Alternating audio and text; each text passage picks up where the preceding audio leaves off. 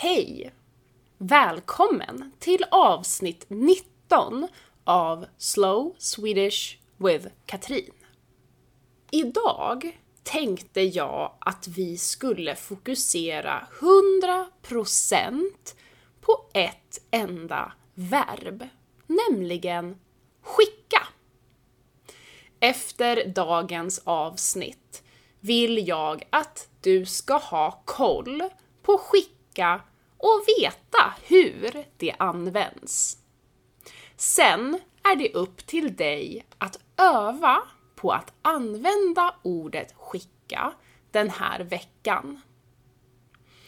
Att skicka betyder att man har något, en sak, information, en tanke, pengar, ja, vad som helst som man sedan levererar till någon annan utan att personligen ge saken till hen. Om jag ger dig en present så skickar jag inte presenten.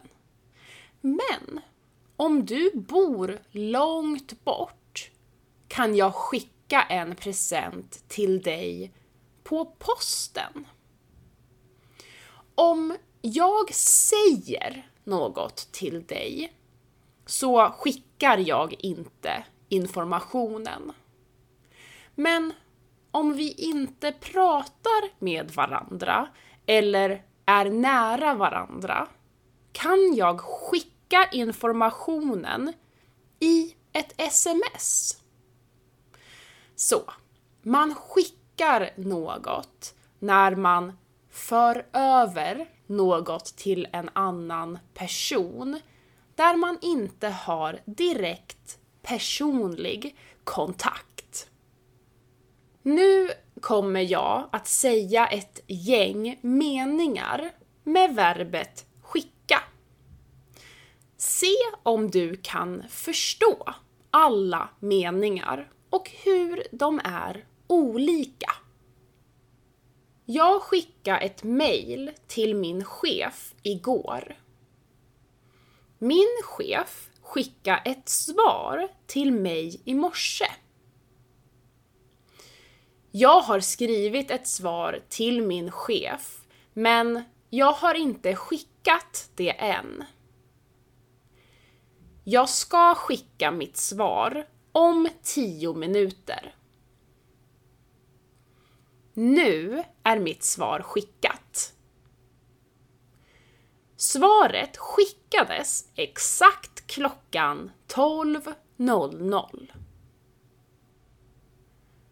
Har hon skickat informationen om festen än? Nej, hon sa att hon skulle skicka informationen, men hon har inte gjort det. Okej, okay. kan du be henne skicka den så snart som möjligt? Absolut. Jag säger till när informationen är skickad. Nu har hon skickat informationen. Åh, vad bra att hon skickade den. Jag har nu fått informationen. Har du någonsin skickat brev till en brevkompis? Ja, det har jag. Vi brukade skicka brev en gång i månaden. Vad kul! Skickar ni fortfarande brev till varandra? Nej, inte så ofta. Men hon skickade en present till mig när jag fyllde år. Åh, vad kul! Vad skickade hon? Hon skickade en fin tröja som jag tycker mycket om. Ska du skicka något till henne när hon fyller år? Ja, jag tror jag ska skicka lite godis från Sverige. som du kanske märker här, om du följer med i texten till avsnittet, så uttalar jag skickade som skicka. Det här görs endast i talspråk och är en förkortning av ordet som görs för att kunna prata lite fortare. Jag skickade den förra veckan går snabbare att säga än jag skickade den förra veckan. I början av det här avsnittet sa jag att man skickar något när man inte har personlig kontakt med mottagaren.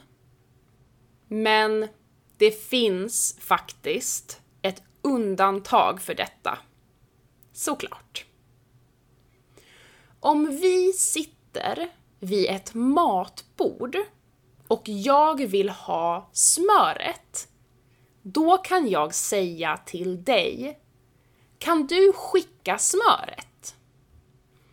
Eller om vi sitter i soffan kan jag säga Kan du skicka fjärrkontrollen?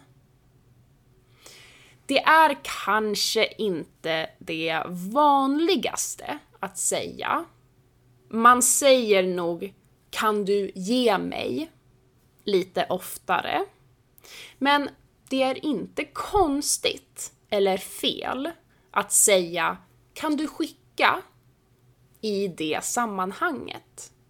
Trots att man inte skickar det med posten eller med ett sms, utan man skickar det med handen. När man har personlig kontakt med mottagaren använder man verb som säga något, ge något och berätta något. Men om ni är långt ifrån varandra och använder något medel som en telefon, dator eller post för att överföra saken, då skickar man det. Man kan också skicka tankar till någon som är sjuk eller sörjer. Det är lite som sending thoughts and prayers på engelska. Så, jag hoppas du har fått lite bättre koll på verbet skicka idag. Skriv gärna en kommentar med ordet skicka på Patreon. Vi hörs i nästa avsnitt. Hej då!